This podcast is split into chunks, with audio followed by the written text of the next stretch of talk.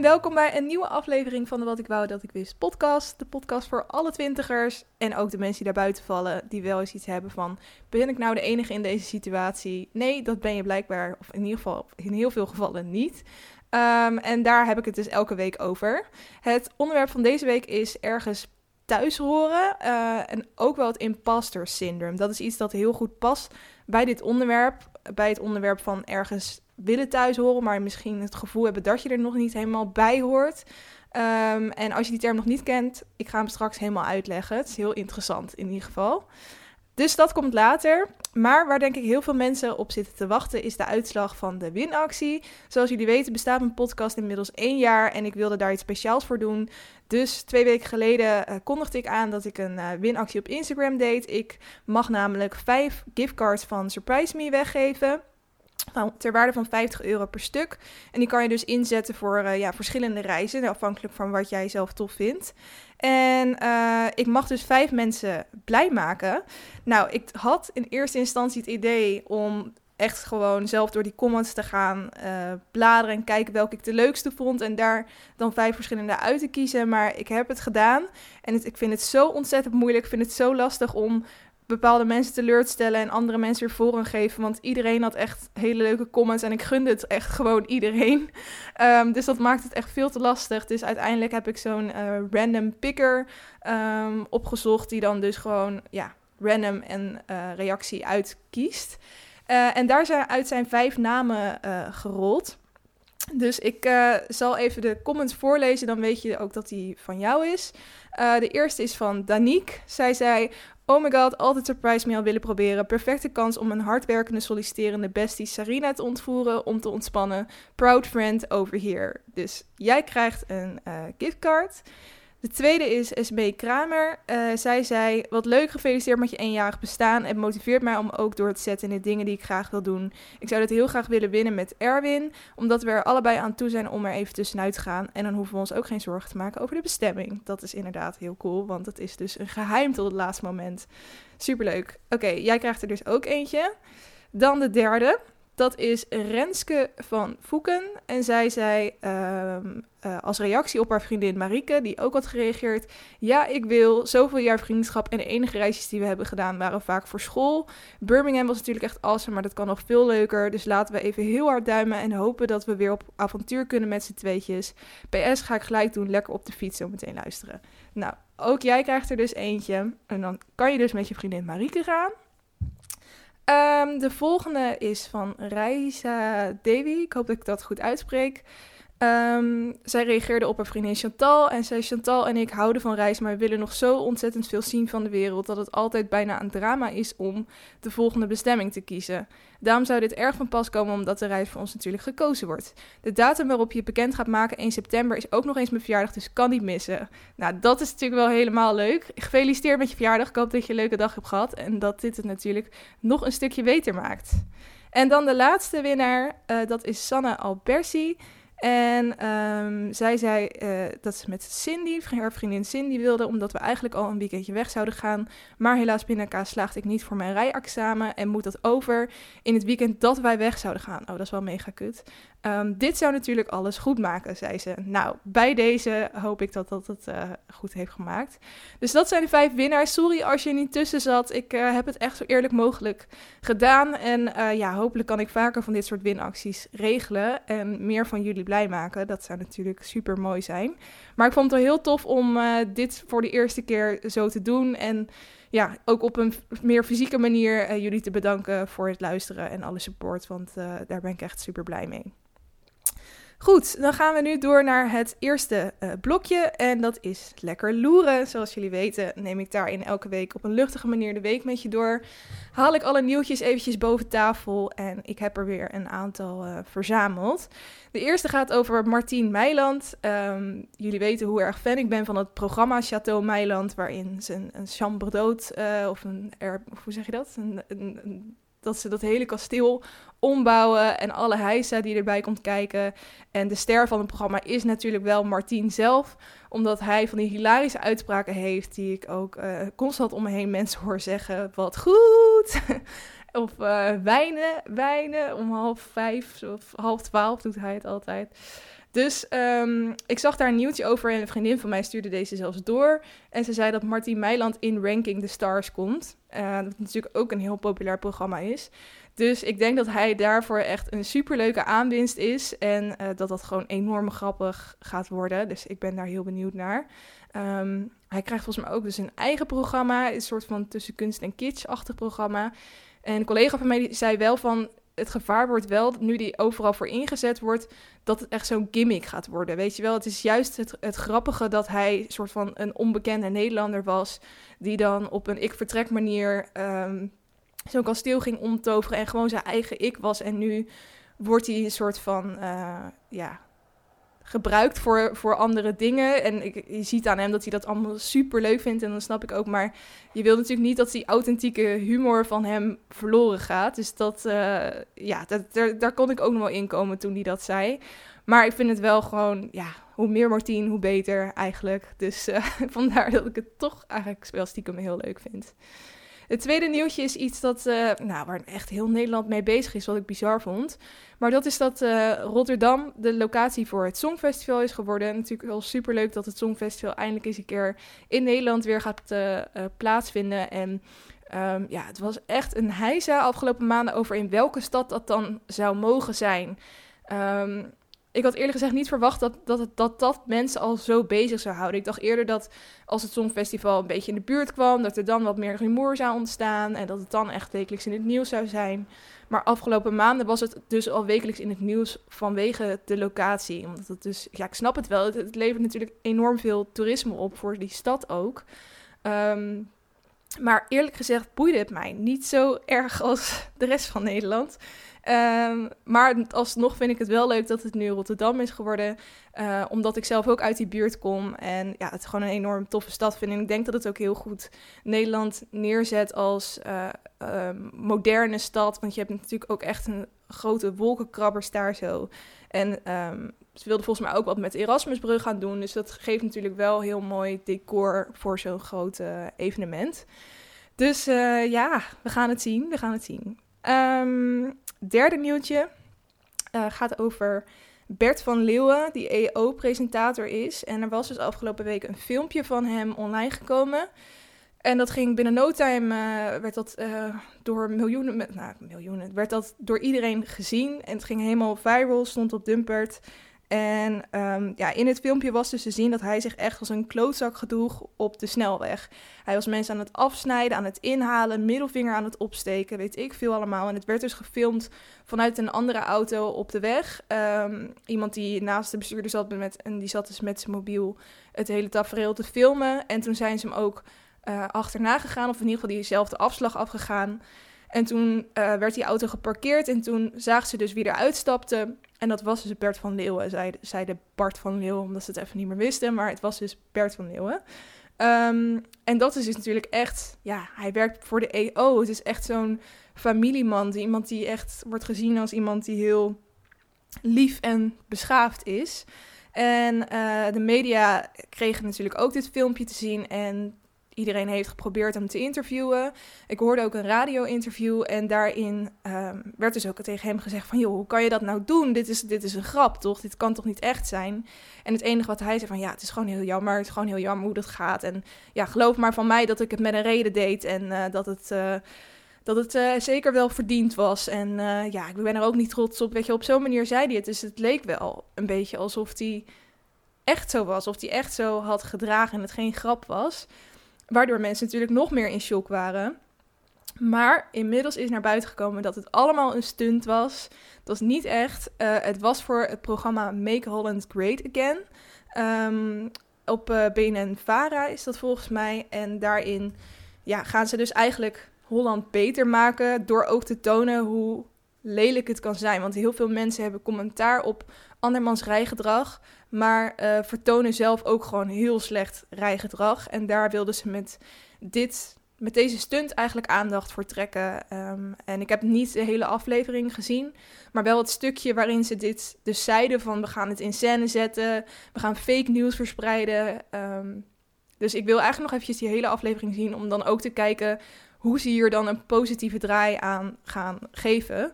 Uh, maar het is in ieder geval natuurlijk al echt super slimme promotie voor je eigen programma. Dus dat vond ik al wel heel goed gedaan. En ook uh, top dat je dan zo iemand als Bert van Leeuwen kan laten meewerken. Want het is wel slechte promotie voor hem natuurlijk. Als alleen dat eerste bericht blijft bestaan dat hij roekeloos gedrag, rijgedrag vertoont. Um, want ik kan me ook voorstellen dat mensen, sommige mensen dan weer niet alleen dat hebben meegekregen en niet hebben meegekregen dat het voor een programma is. Dus uh, nou, wel tof dat hij zich hiervoor leent in ieder geval. Dan nog een laatste nieuwtje. En dat is dat uh, Monica Geuze het nieuwe seizoen van Love Island gaat presenteren. En dit nieuwe seizoen van Love Island gaat volgens mij al best wel snel van start. Volgens mij 23 september. En um, het was natuurlijk, het vorige seizoen was uh, op tv te zien. Elke avond om half negen. En dat ook te kijken op Videoland. Nou, ik denk dat ze hebben gezien dat 90% het gewoon via Videoland kijkt. Um, ik weet niet precies de kijkcijfers destijds, maar volgens mij waren die niet echt fantastisch, maar ging het op Videoland wel heel, heel goed. Dus met dit nieuwe seizoen is het alleen op Videoland te zien. En dus niet meer met Holly Brood en um, kom even die, Victor Verhulst, de zoon van Gert. um, die twee gaan het dus niet meer doen, maar je hebt nu dus alleen uh, Monica Geuze. En ik ben wel benieuwd hoe zij het gaat doen. Ik ken haar nog niet zo goed als presentatrice. Ik weet dat ze wat dingetjes voor MTV heeft gedaan. Um, maar ja, misschien is dit wel een hele leuke uitdaging voor haar. Ik vind haar alleen nooit zo sympathiek overkomen. Terwijl ik degene uh die het presenteert in Engeland, dus de Britse Love Island, um, echt super sympathiek persoon vind. En heel bubbly, zeg maar. En dat vind ik Monica Geuze helemaal niet. Dus daarom moest ik eerst een beetje aan wennen. Maar ik ben wel uh, benieuwd om te zien hoe zij het uh, gaat doen. Goed, dat was het uh, lekker loeren blokje. Dan gaan we nu naar het LKL'tje, waarin ik je leeskijk en luistertips geef. Um, de leestip. Hoe zit het? Um, vier weken geleden uh, zei ik, kondigde ik het nieuwe boekenclubboek aan. Sapiens. En dat is een, uh, ja, een korte geschiedenis van de mensheid. En super interessant boek. Alleen, ja, hiervoor heb ik natuurlijk heel vaak gewoon fictieboeken. Of in ieder geval lekker makkelijke wegleesboeken gekozen. En ik merkte bij dit boek wel dat ik echt max, nou ja, 20 pagina's per zitting kan, kan, kan lezen, omdat het zoveel informatie is die je moet opnemen. Dus ik zei het vorige week al, dat ik een beetje twijfelde of we wel nu al een recensie moesten gaan doen, omdat ik zelf dus eigenlijk nog lang niet zo ver was en um, ik me wel afvroeg hoe dat bij de andere mensen zat die ook meedoen, want er doen deze maand best wel wat mensen mee met de boekenclub. Dus ik heb dat op mijn Instagram gegooid. Uh, even een balletje opgegooid van wat, wat willen jullie? Uh, hoe ver zijn jullie allemaal? En ik heb wel een aantal reacties gehad. En eigenlijk waren die allemaal um, dat ze het boek nog niet uit hadden. En dat ze het wel fijn zouden vinden als we het nog even wat meer tijd ja, voor zouden geven. Dus dat is wat ik ga doen. Dus uh, de komende. Ik verleng hem gewoon nog met één maand. Hè? Dan hebben we twee maanden voor dat boek. Ik denk dat dat op zich wel moet lukken. Um, ik ga zelf vanaf vrijdag ook op vakantie. En dat wordt een hele actieve vakantie. Dus daar heb ik ook echt bijna geen tijd om te lezen. Dus um, ja, dus we maken gewoon even een, een twee maandelijks lange uh, boekenclub van. Dus dat houdt in um, dat de komende vier weken, ja, ik wil niet elke keer zeggen, oh, de leestip is Sapiens en dat zijn we nu aan het lezen, dat ga ik niet meer doen. Dus ik ga dan de komende drie weken nog eventjes ander soort leestips opzoeken. Dus bijvoorbeeld interessante artikelen of um, een, een bepaald tijdschrift of bepaald journalistiek verhaal of zoiets. Dat ik dan dat soort tips geef. Um, en ondertussen lees ik dan gewoon door in Sapiens en uh, ja, geef ik de rest ook gewoon eventjes de kans om hem uh, uit te lezen. En dan kunnen we dus over vier weken de echte recensie doen. En dan zal ik ook weer een nieuw boek uitkiezen. En dan eentje die wat uh, lekker makkelijker weg te lezen is. Oké, dan de kijktip. Um, nou, ik wilde ook gewoon even vertellen wat ik afgelopen week allemaal heb gekeken. Ik heb Orange is New Black eindelijk afgekeken. Ik heb vanmiddag de, laatste drie afleveringen doorheen geknald. En um, ik vond het echt zo... Ik moest echt gewoon huilen op het einde. Omdat ik deze, deze serie vond ik gewoon echt heel goed. En ik moet wel zeggen, hoe meer seizoenen er verschenen, hoe, minder het me echt interesseerde. Maar alsnog heb ik wel alles met heel veel plezier gekeken. En op het eind doen ze dan zo'n... Um, omdat het dus ook echt het laatste seizoen is. Hè? Het is hierna echt gewoon klaar. En um, op het laatst deden ze dan tijdens de, de aftiteling, lieten ze beelden zien van de acteurs nog in hun uh, outfit en in de setting van, uh, van de serie. Maar dat ze dan in de camera de kijker bedankten voor alle steun. En um, de ene deed weer een buiging, de ander deed een soort dansje. En ja, ik vond dat gewoon zo leuk. Ik zag ook gewoon aan die mensen dat het ze heel veel deed dat het nu afgelopen was. Want het is natuurlijk ook een heel groot deel van hun leven geweest dit opnemen. En ze hebben ook een soort familie met z'n allen um, opgebouwd, familiebanden. Dus uh, ik zag ook gewoon dat het hun heel veel deed, dus toen moest ik ook huilen. Oké, zeggen. Um, verder is het vanavond start het nieuwe seizoen van Expeditie Robinson. En worden de nieuwe boeren van Boerzoek Vrouw aangekondigd. Dus dat ga ik, zodra ik deze podcastaflevering heb opgenomen, gelijk eventjes terugkijken. Um, dus nou ja, ik neem aan dat je het wel mee hebt gekregen als je fan bent van deze programma, maar anders bij deze. Maar ik wil ook nog eventjes een echte kijktip geven. En dat is uh, Anon. Um, afkorting voor anoniem uiteraard. Maar de, film heet Anon en die staat op uh, Netflix.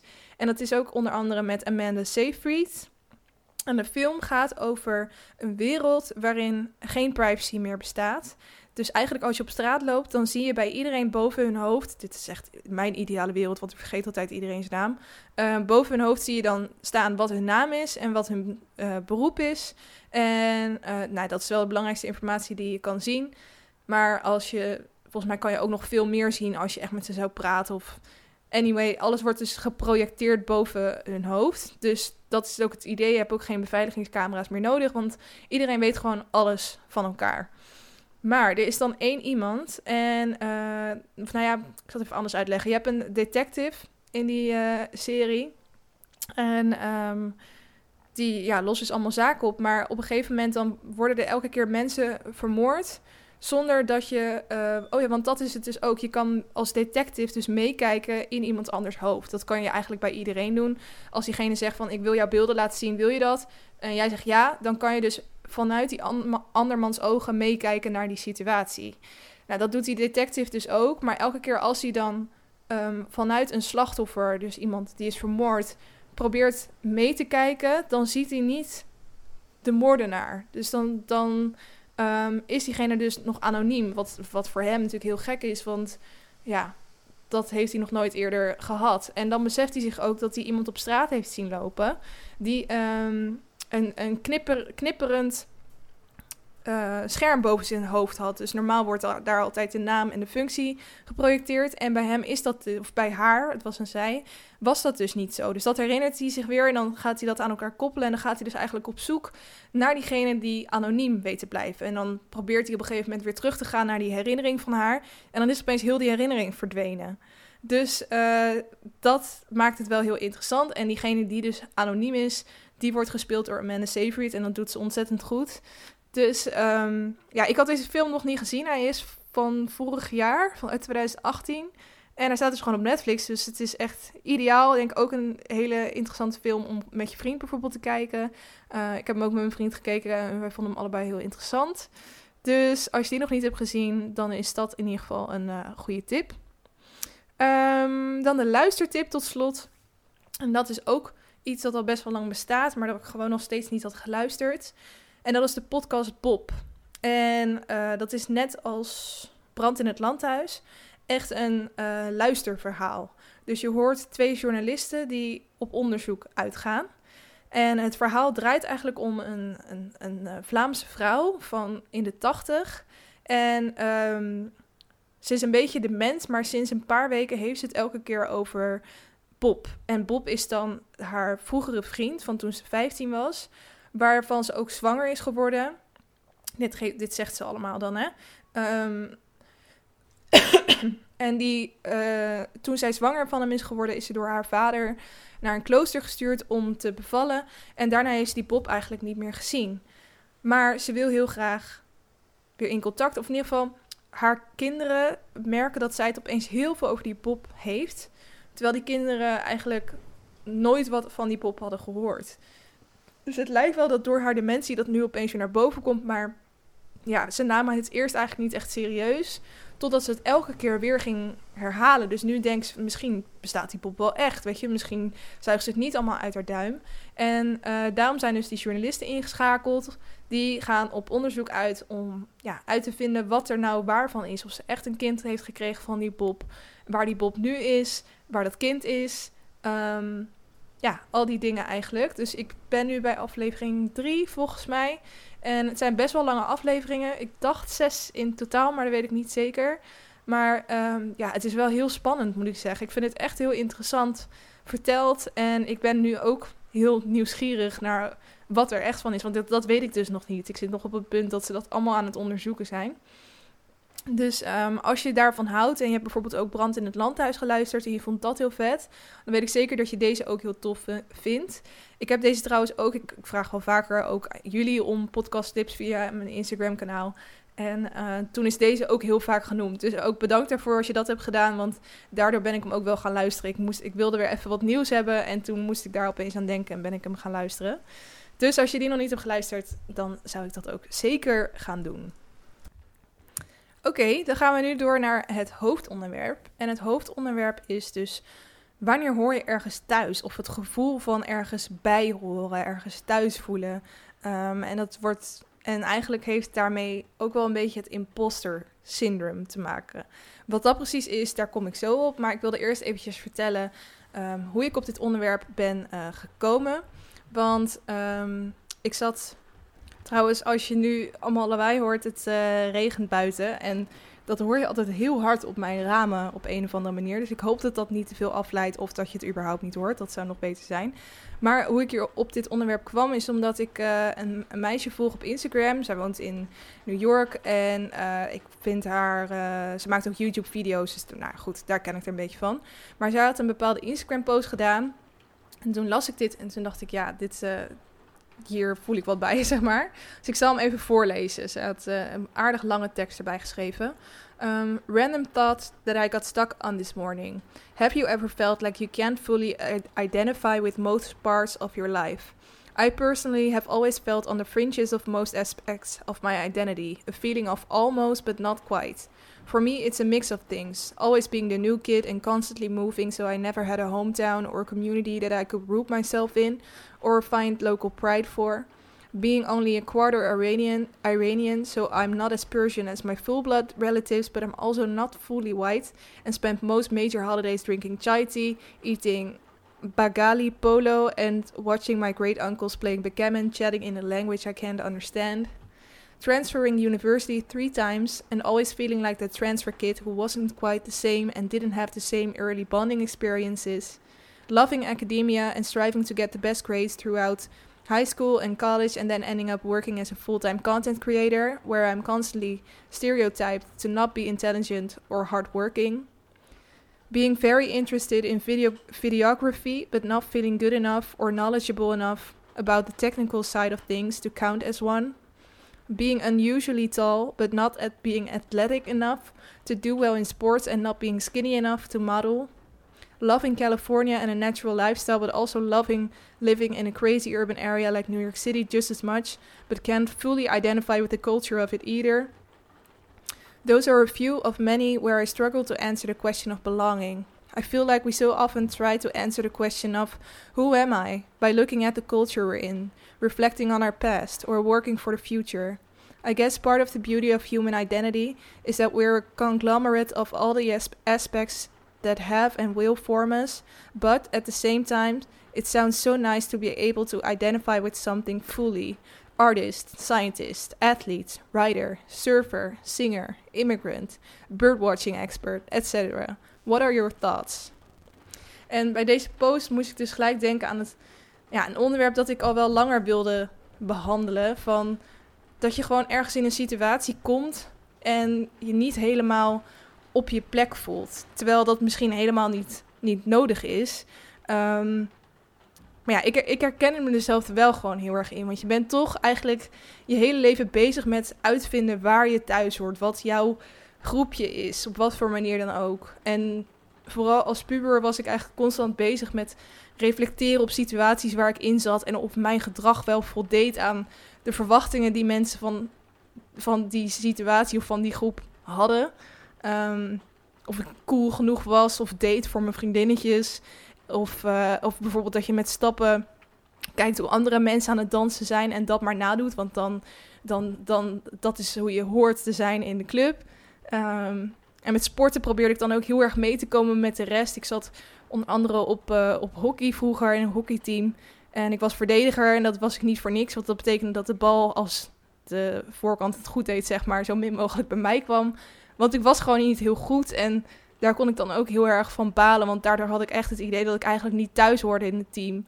Ehm, dus ik had best wel wat situaties waarin ik gewoon aan mezelf merkte dat ik ergens gewoon thuis wilde horen. Ehm, en dat, ja, dat, je, dat ik er wel in zat, maar dat ik eigenlijk het gevoel had dat het niet echt hoorde, weet je wel. En je zou denken dat hoe ouder je wordt, hoe minder dat ook wordt. Maar eigenlijk merk ik dat zodra je de tussen haakjes adulting fase inkomt, het eigenlijk alleen maar veel erger wordt. Want um, je krijgt dan met zoveel nieuwe dingen te maken waar je dan opeens van beseft van, oh, maar alle volwassenen, ook zoals mijn ouders en zo, die hebben het hier eigenlijk nooit over gehad. Dus blijkbaar is dat heel normaal als je dat gewoon kan. En nu ben ik ook tussen aanhalingstekens volwassen.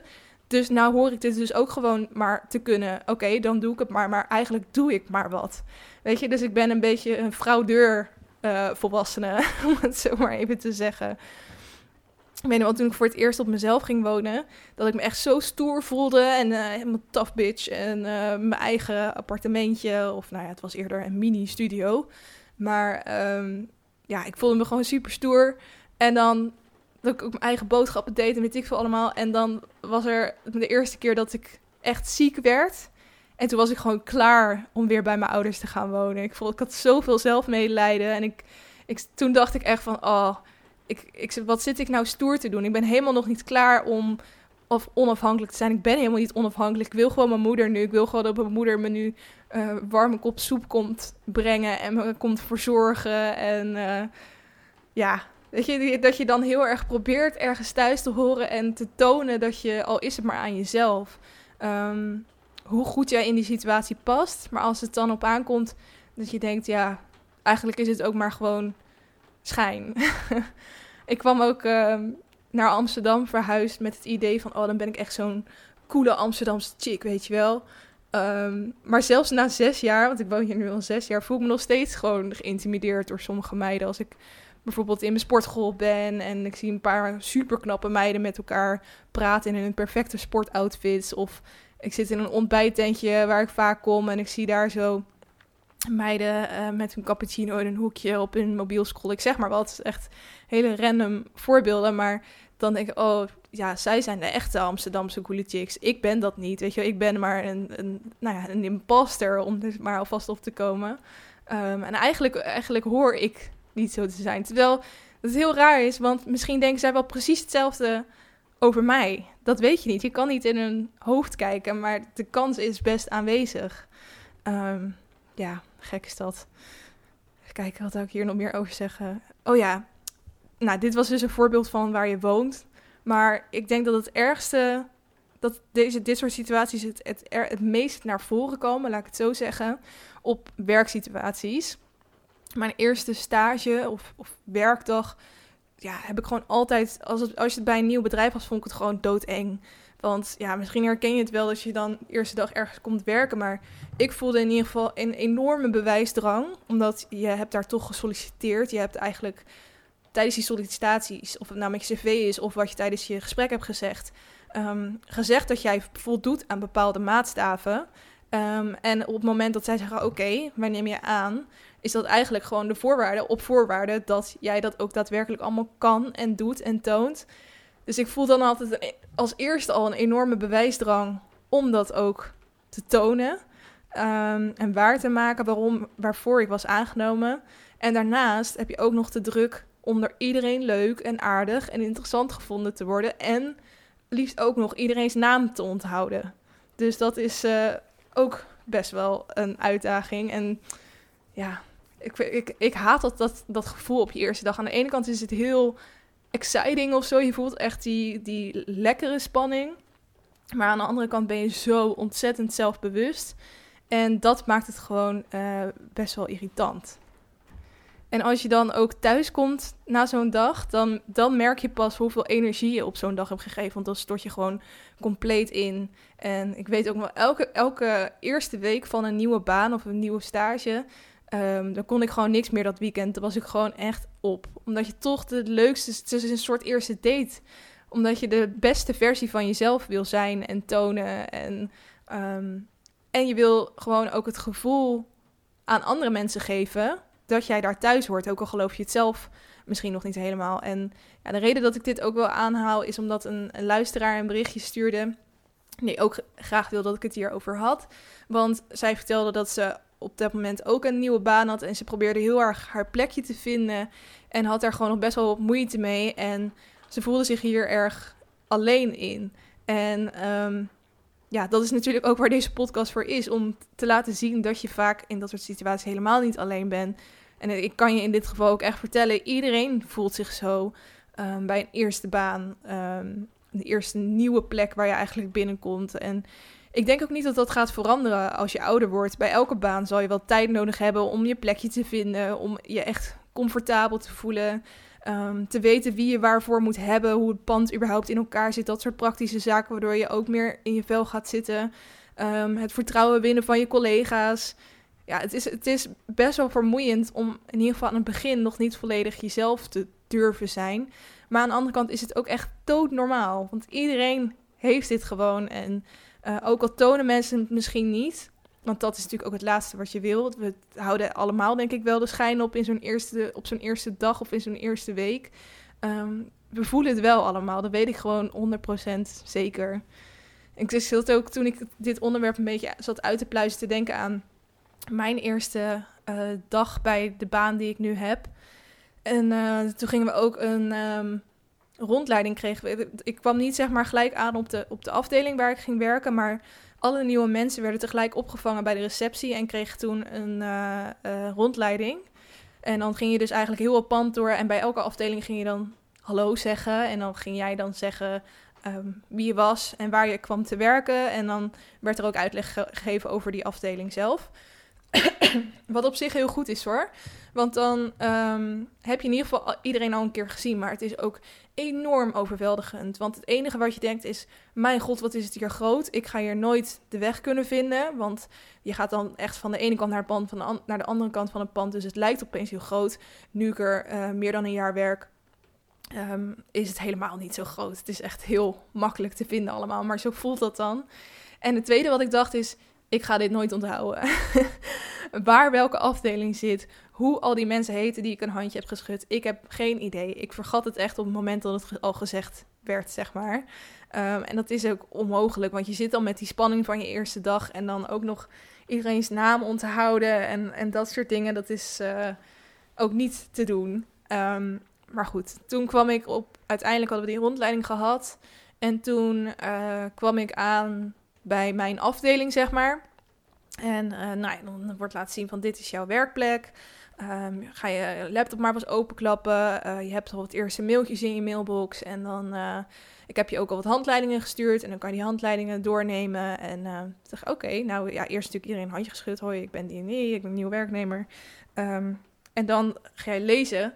En dan dacht maar dan zat ik volgens mij echt de hele ochtend in mijn eentje daar zo te lezen. En hoe, ik heb dat wel, hoe langer ik dan um, op mezelf ben, zeg maar, hoe meer ik ga nadenken en overanalyseren. En nu zat ik eigenlijk alleen maar, terwijl ik die handleiding zat te lezen, een beetje uit mijn hoek, ooghoeken te kijken van, oh ja, dat is die en die, die doet dat en dat. Um, oh ja, ze kwam over als zo'n soort persoon. Um, ja, oh ja, oké. Nou, en die persoon, die heette sowieso en zij, die heeft ook een vriendin en die werkt dan weer daar. En ja, ja, ja, oké, weet je. Dus ik was, het is zo grappig hoe je dan, nou, wat ik eigenlijk al zei, hoe zelfbewust je kan zijn. En ik weet nog in die eerste week dat ik echt dacht van, oh, ik haat dit zo, deze fase. Dat je gewoon um, nog niet weet hoe je je wil gaan opstellen tegenover sommige mensen. Ook al is dat een heel onbewust iets en, en, en moet je daar gewoon vanzelf inkomen. Maar je gaat er dan toch wel een beetje over nadenken. En um, ook waar alles is, wie je waarvoor nodig uh, moet hebben. Um, hoe je die, wat mensen een fijne manier vinden om bananen te worden. Weet je, sommige mensen die Ehm, dat had, ik heb ook een keer een sessie gehad waarbij iemand bijvoorbeeld zei van ja, als iemand geen emotie gebruikt in zijn mailtje naar mij, dan heb ik echt het gevoel dat diegene boos is op mij, weet je. Dus iedereen heeft ook weer een soort eigen gebruiksaanwijzing ehm, waar je toch een beetje aan wil voldoen. Uh, en uiteindelijk, als ik nu terugkijk naar hoe ik me toen voelde, dan is dat alweer een wereld van verschil. Want eigenlijk, ja, daar gaat wel even eventjes overheen. Ik denk zes maanden of zo Totdat je volledig echt jezelf kan zijn. En nu kan ik echt zeggen dat ik. Uh, ja, ik ben zo close met, met mijn directe collega's, zeg maar. En we zijn zo open naar elkaar. Dat is zo'n chille sfeer. Dus ik kan me nu niet eens meer voorstellen hoe ik me toen voelde. Maar ja, dat zegt ook maar wat van. Het maakt niet uit hoe chill eigenlijk de, de sfeer is waar je in komt. Je gaat je altijd die eerste dag of eerste week eventjes een beetje onzeker voelen. Een beetje de kat uit de boom kijken. En daar is niks mis mee. Dat, dat hoort er gewoon bij. Um, ja. Uh, oh ja, dat wil ik ook nog zeggen. Um, wat ik al zei, het is, het is een heel natuurlijk gevoel om, om dit te hebben. En eigenlijk is het dus iets waar we constant mee bezig zijn. En niet alleen in ons eigen leven, maar eigenlijk is de Homo sapiens zelf, zeg maar onze menssoort, uh, daar ook al sinds het begin der tijden uh, mee bezig. Want ik ben nu dus ook dat boek aan het lezen, Sapiens. En er staat ook in dat boek dat we wij als menssoort zeg maar uitblinken, omdat we kunnen samenwerken en toewerken naar een gezamenlijk doel. Dus ehm, andere soorten, ook diersoorten, die zijn eigenlijk in heel veel dingen die wij ook doen heel goed. Sommigen hadden zelfs net zo ontwikkeld brein als wij. Maar um, de reden dat, dat wij zeg maar superieure soort zijn geworden is omdat wij dus ook kunnen zeggen van, uh, of uitbeelden of hoe we dat dan ook deden, als jij dit doet en ik doe, dan, ik doe dit, dan um, kunnen we samen daar naartoe werken. We konden eigenlijk in dingen geloven die niet materialistisch waren. Dus een aap zou bijvoorbeeld, nou, misschien een slecht voorbeeld, want apen zijn ook heel slim. Maar ik, dat, dat, ik neem dat nu gewoon eventjes als voorbeeld. Maar een aap zou bijvoorbeeld alleen kunnen zeggen: um, Dit is een, uh, een, uh, een steen. En met die steen, die steen kan ik gooien. En die steen kan ik, uh, daar kan ik iets mee bouwen. Maar Ehm, wat mensen zouden kunnen zeggen is: als wij al deze stenen op elkaar leggen, dan kunnen wij misschien wel een koninkrijk creëren. Ik zeg maar wat. Maar dat nadenken over een groter geheel en hoe je daar samen naartoe kan werken, dat is dus echt iets wat ons ons maakt, wat heel menselijk is en wat ook zorgt dat je communities krijgt, omdat je dus die gezamenlijke uh, doelen hebt. En um, zo'n community is natuurlijk top, maar de consequentie van het bestaan van communities is ook de angst die erbij komt kijken om er dan buiten te vallen.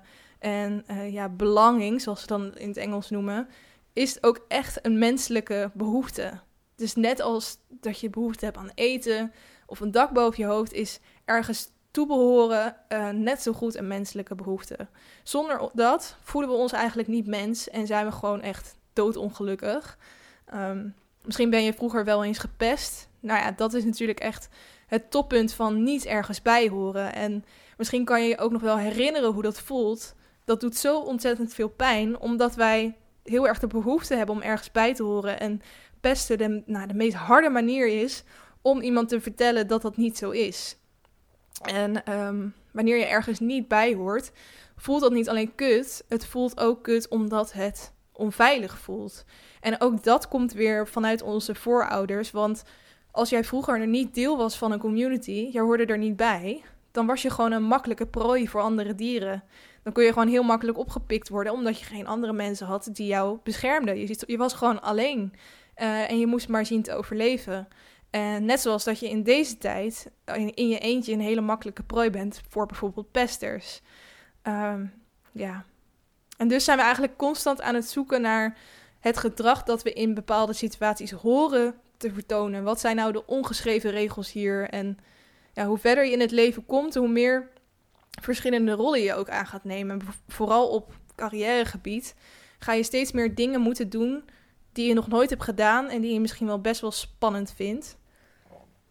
Toen ik um, voor het, ik heb uh, een aantal presentatieklusjes gehad, of dat, dat klinkt alsof ik voor tv ging presenteren. Ik bedoel meer dat ik vanuit werk wel eens moest spreken op congressen. Dat vond ik doodeng, maar dat vond ik wel heel tof om te doen. Maar ik weet nog zo goed, de eerste keer dat ik op een congres ging presenteren, um, toen was ik later op de dag. Dus ik ging eerst nog naar andere presentaties toe. En uh, dan zag ik dus die mensen op het podium echt een onwijs interessant verhaal vertellen. En echt helemaal het publiek meekrijgen. En ja, ik vond het onwijs indrukwekkend. Maar het enige wat ik dacht is, ik hoor hier helemaal niet thuis. Ik ben helemaal niet een van hun. En als ik straks op het podium ga staan, dan ga ik alleen maar stotteren. En dan val ik gewoon keihard door de mand. En dan weten ze het dat ik dat niet ben. Um, en uiteindelijk heb ik wel gewoon de fake it till you make it methode toegepast. En me er doorheen geslagen. Maar dat was wel voor de eerste keer dat ik echt te maken had met die imposter syndrome. En wat dat eigenlijk is, ik zal even een definitie van die term geven. Dat is the persistent inability to believe that one's success is deserved or has been legitimately achieved as a result of one's own efforts or skills. En dit is een uh, term uit de jaren 1970. Eh, en die werd geïntroduceerd door psychologen en onderzoekers om uh, mensen te beschrijven die niet in staat zijn om hun eigen prestaties te internaliseren. Ik haal dit van Wikipedia trouwens. um, ik zal het even verder lezen. Ondanks externe bewijzen van hun competentie, blijven mensen met het syndroom ervan overtuigd dat ze bedriegers zijn en hun eigen succes niet verdienen. Blijken van succes worden afgedaan als geluk, timing of het resultaat van het misleiden van anderen, waardoor die denken dat zij intelligenter en competenter zijn dan ze zelf geloven. Het oplichtersyndroom komt meer voor bij succesvolle vrouwen. Ook dat vond ik best wel interessant, dat dat dus echt um, vooral bij succesvolle vrouwen uh, te zien is. En eigenlijk weerhoudt het je er dus van om trots te zijn op je eigen capaciteiten. Best wel een beetje uit het gevoel van ja, gewoon enorme onzekerheid. En ja, dat is natuurlijk echt onwijs zonde dat, dat we zo onze eigen capaciteiten afdoen. Dit zijn vaak ook die mensen die bijvoorbeeld niet met complimentjes om kunnen gaan. Zo van dat iemand zegt van, oh, wat zie je er goed uit. En dat diegene dan reageert van, oh, ik? Nee joh, nee, ik heb echt een enorme bad hair day. Weet je, dat je niet eens uh, aanvaardt dat diegene iets positiefs over jou zegt, maar eigenlijk gewoon gelijk probeert te weerleggen. Uh, en het, ja, het grappige is dus dat het vooral succesvolle vrouwen zijn die hier best wel uh, last van hebben. En ik heb er een beetje een paar opgezocht. Of er nou echt grote succesvolle vrouwen zijn die hier uh, aan hebben gegeven dat ze hier zo last van hebben. Of eigenlijk niet alleen vrouwen, maar überhaupt gewoon succesvolle mensen die je, die je kent. Um, en een daarvan is bijvoorbeeld de eigenaar van Starbucks, Howard Schultz heet hij. Um, en hij zei in an interview with the New York Times, Schultz said, Very few people, whether you've been in that job before or not, get into the seat and believe today that they are now qualified to be the CEO. They're not going to tell you that, but it's true. Dus ook hij, op het moment dat hij CEO werd, had hij niet het gevoel dat hij daar thuis hoorde. Dus ook hij had last van imposter syndrome. Um, hier ook eentje over Lady Gaga. Um, Lady Gaga in, revealed in her documentary I still sometimes feel like a loser kid in high school, and I just have to pick myself up and tell myself that I'm a superstar every morning so that I can get through this day and be for my fans what they need for me to be. Ook heel interessant. Um, oh ja, deze nog over actrice Natalie Portman. Die heeft ook gezegd in een speech op Harvard in 2015: Today I feel much like I did when I came to Harvard Yard as a freshman in 1999. I felt like there had been some mistake, that I wasn't smart enough to be in this company, and that every time I opened my mouth, I would have to prove that I wasn't just a dumb actress.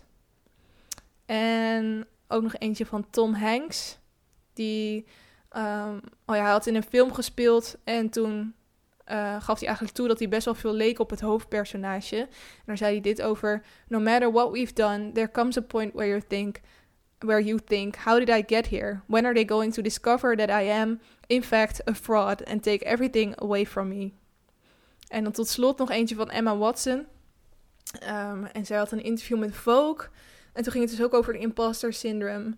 En toen had ze het over wat mensen zeggen tegen haar als ze, als ze een compliment over haar acteer uh, over haar acteer, uh, hoe noem je dat? Klussen, zeg maar. Hoe zij acteert. um, now when I receive recognition for my acting, I feel incredibly uncomfortable. I tend to turn in on myself. I feel like an imposter.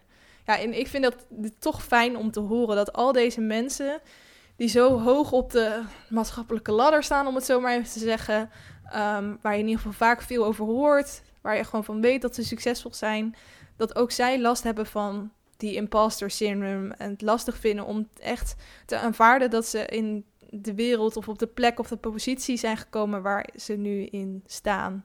En ik denk dat het eigenlijk gewoon een kwestie is van doen en geloven in je rol. En ehm, vaak is het gewoon een, een kwestie van heel veel lef hebben, ook al geloof je misschien nog niet helemaal in jezelf. Ik heb ook één favoriete quote.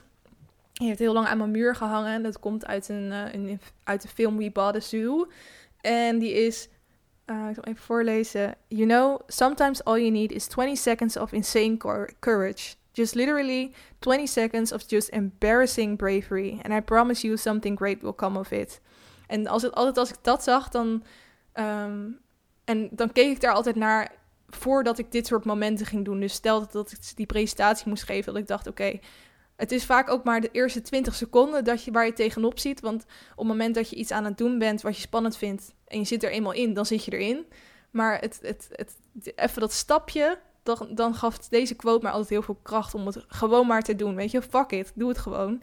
Um, en ik moest ook denken aan de, de jubileumaflevering, zeg maar, waarin ik uh, allemaal mensen aan het woord liet en ze vroeg van wat is nou iets dat je wel eerder had willen weten. En toen zei me, mijn vriend ook van, doe gewoon alsof jij de expert bent over een onderwerp en ook al geloof jij jezelf misschien nog niet helemaal, uh, weet je, fake it till you make it. Zeg gewoon, doe gewoon alsof jij de expert bent, ook al uh, geloof je het zelf nog niet helemaal, want als je dat gewoon die rol aanneemt, dan ga je daar uiteindelijk vanzelf in geloven. En ook dat vond ik gewoon een hele goede tip die hierbij aansluit. Dus als je het maar vaak genoeg doet, dan ga je echt in jezelf geloven. En ook op de werkvloer geloven dat jij in die positie mag zitten waar je zit. Weet je, dat je dat je, je niet ongemakkelijk hoeft te voelen en dat je jezelf kan zijn bij collega's. Um, geloof daar gewoon in. En onthoud ook dat iedereen hier last van heeft. Dus als jij dat gevoel ervaart van imposter syndrome van dat je denkt, oh god, ik ga straks echt kaart door de mand vallen, ik hoor hier helemaal niet. Um, ik hoop dat het je dan wat uh, kracht geeft om te weten dat al die mensen om jou heen, dat die uh, hier ook last van hebben of van hebben gehad. Zelfs die hele egoïstische blaaskaken op werk, waarvan je denkt, ja, hij is een eikel, maar hij heeft in ieder geval niet die onzekerheden die ik heb.